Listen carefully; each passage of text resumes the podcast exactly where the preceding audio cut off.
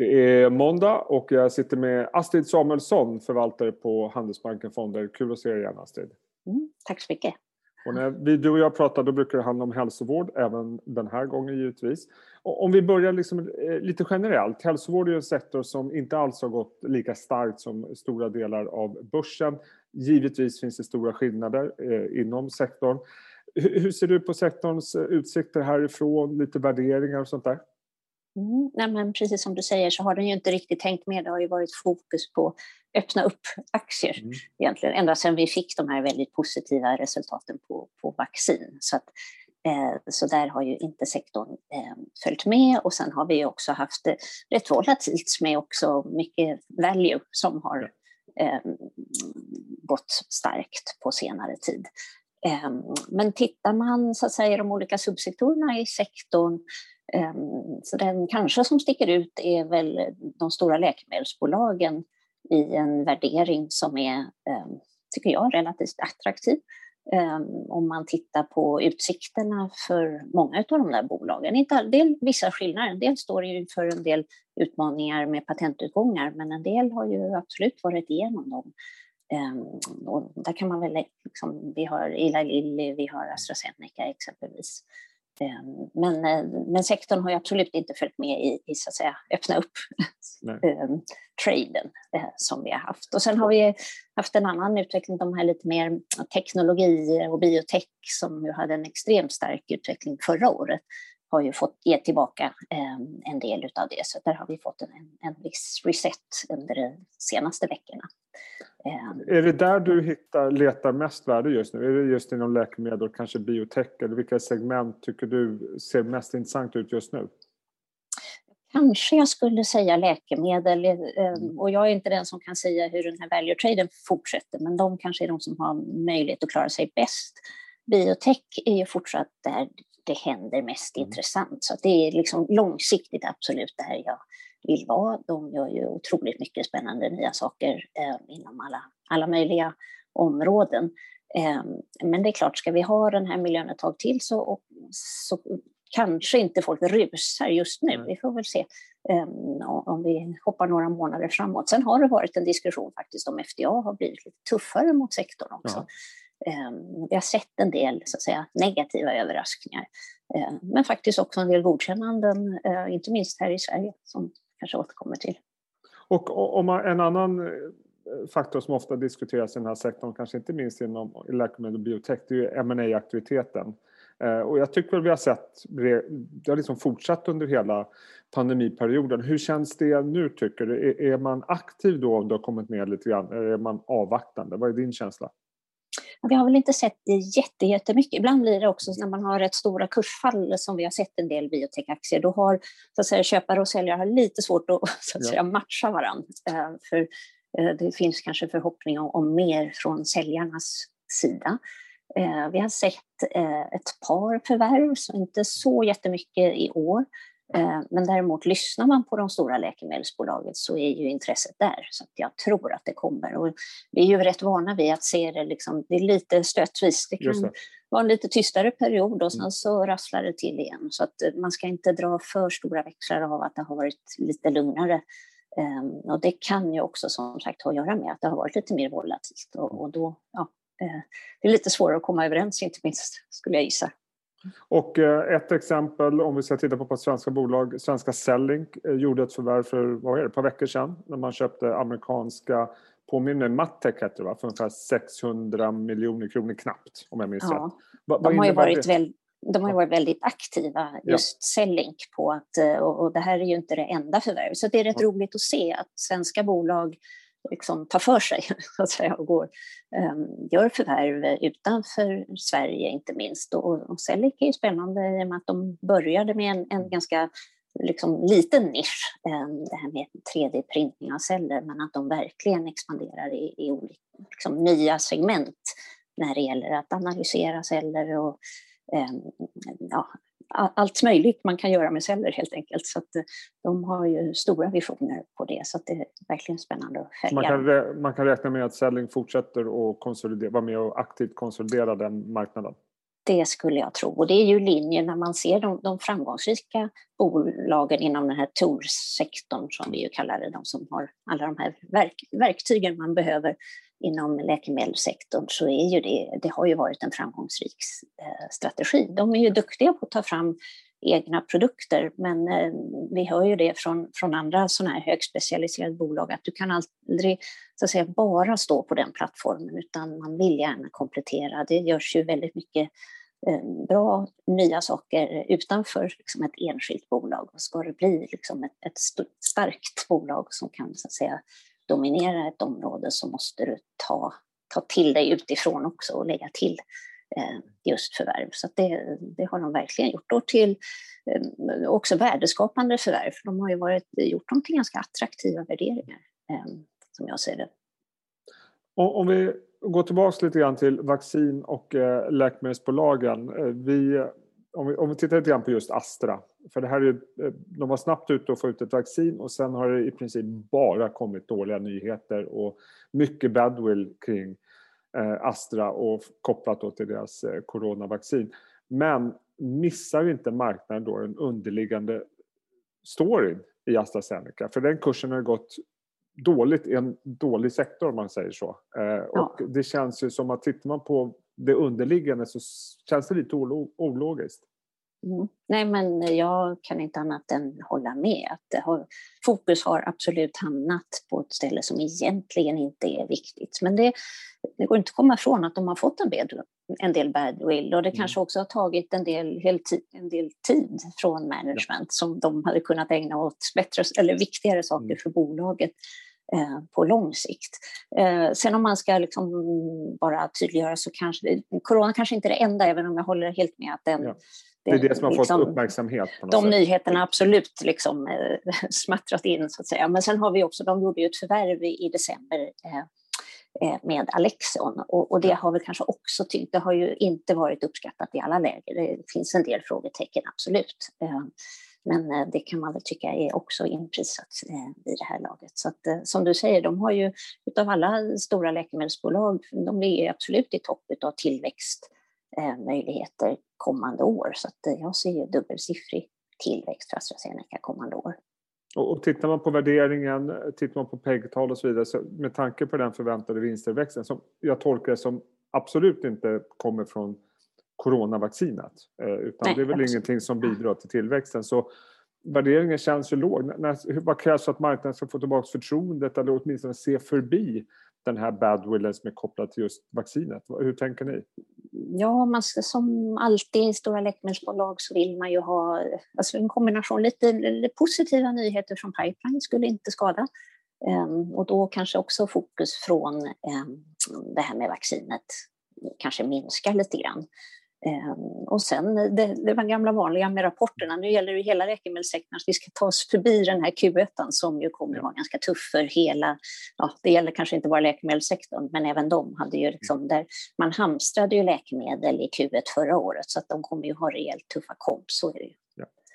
Och om man då tittar på det som kanske är mest intressant nu, det är ju ändå hur kommer världen se ut efter corona? För vi hoppas ju ändå att det försvinner förr eller senare. Och framförallt vad det innebär för sektorn. För som vi inledde med så har det varit väldigt varierande utveckling för bolag om man har liksom varit coronavinnare eller coronaflorare. Men min känsla är att eh, ett, det finns ett väldigt stort uppdämt behov eh, av vård som vi har skjutit på, men också kanske att det finns ett stort investeringsbehov. Eh, hur ser du på sektorn i en värld efter pandemin?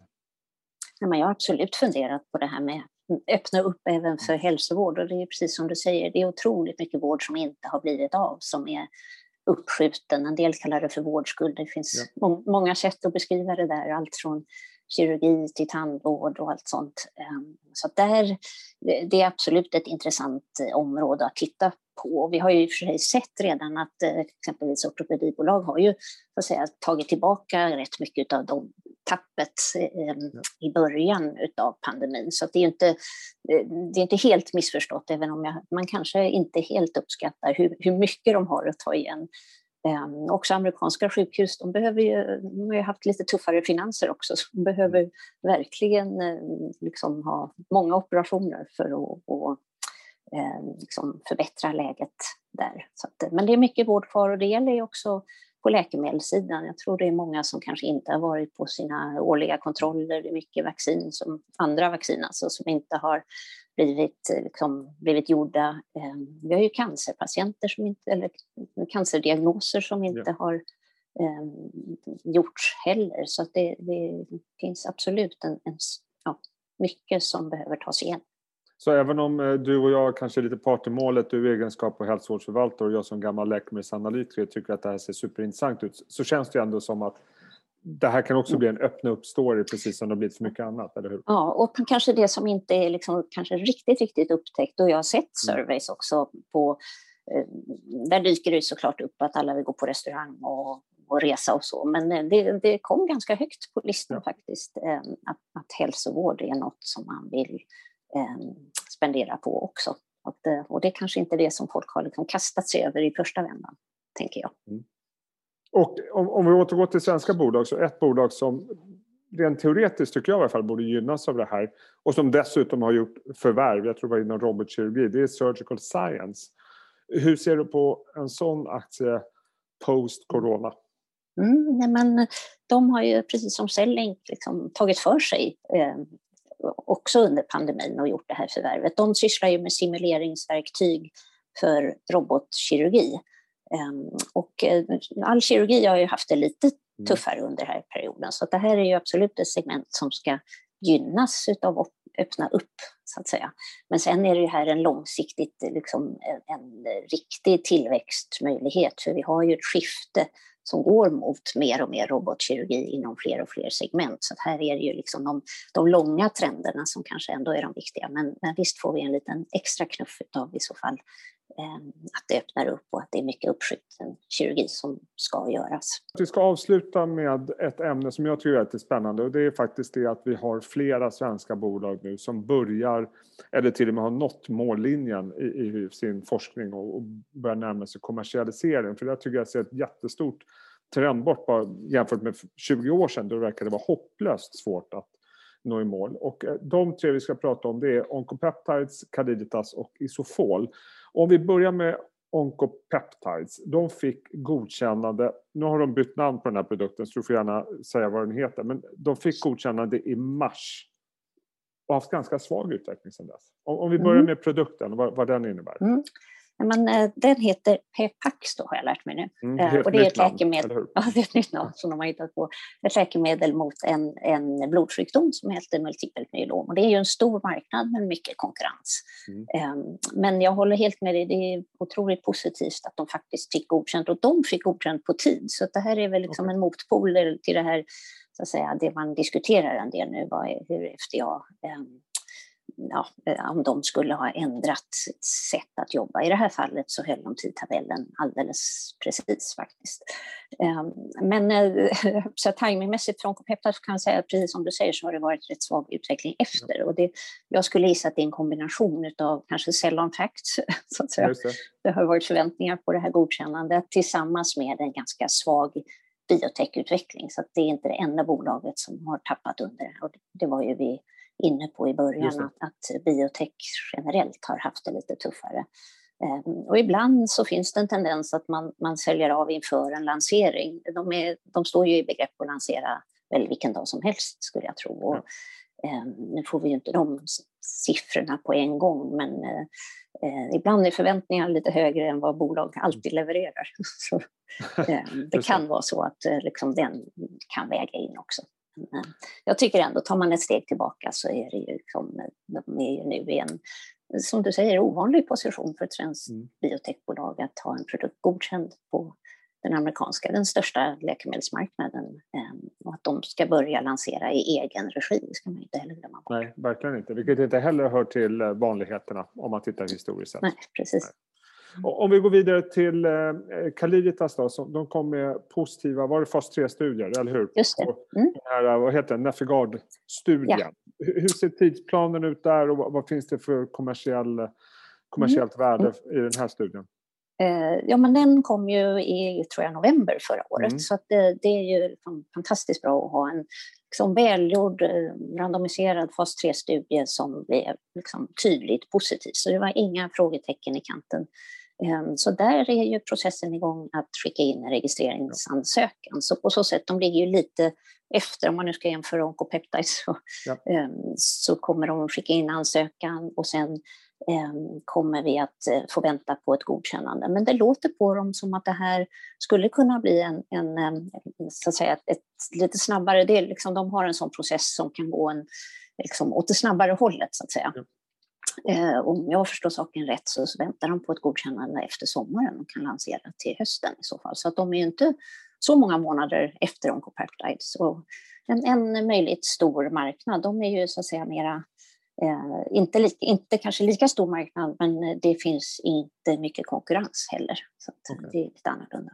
Och bara för en snabb påminnelse, vilken marknad det är? Vad är den här eh, ja, Det här är ju inte cancer som Nej. onkopeptides är, utan det här handlar om en sällsynt njursjukdom. Mm. Eh, så det, det, är en helt annan typ av marknad. Men en, eh, just den här specifika sjukdomen finns det ingen godkänt läkemedel. Man använder blodtrycksläkemedel men mm. inte, det finns inget så att säga, specifikt läkemedel som har fått godkänt. Så att på så vis har de en rätt unik position kan jag tycka, om de väl kommer till marknad.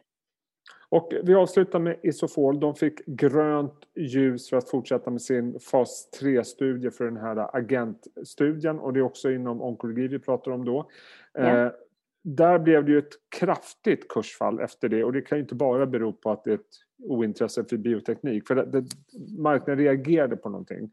Ja, Vad var det? det? Vad var det? Ja, där fanns det, liksom, utan att gå in på allt för mycket detaljer, mm. två utfall. Uh, och ja. där hade ju marknaden helt klart positionerat sig för det kanske lite mer positiva utav de två. Det ser man ju också att den har spikade upp uh, i slutet på Precis. förra året. Så nu är den ju tillbaka där den handlade i mitten av december.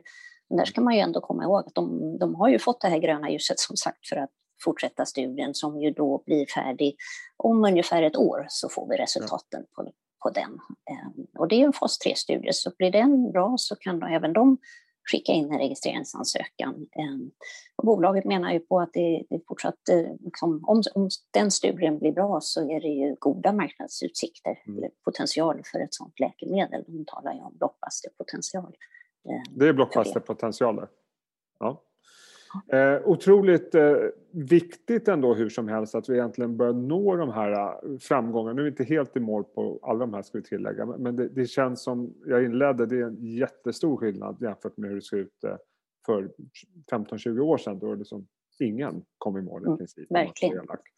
Eh, ja, jätteintressant. Eh, Astrid, alltid lika kul att prata med dig. jag önskar dig en riktigt härlig vecka och glad påsk får man väl ändå säga. Mm, tack så mycket. Tack så mycket.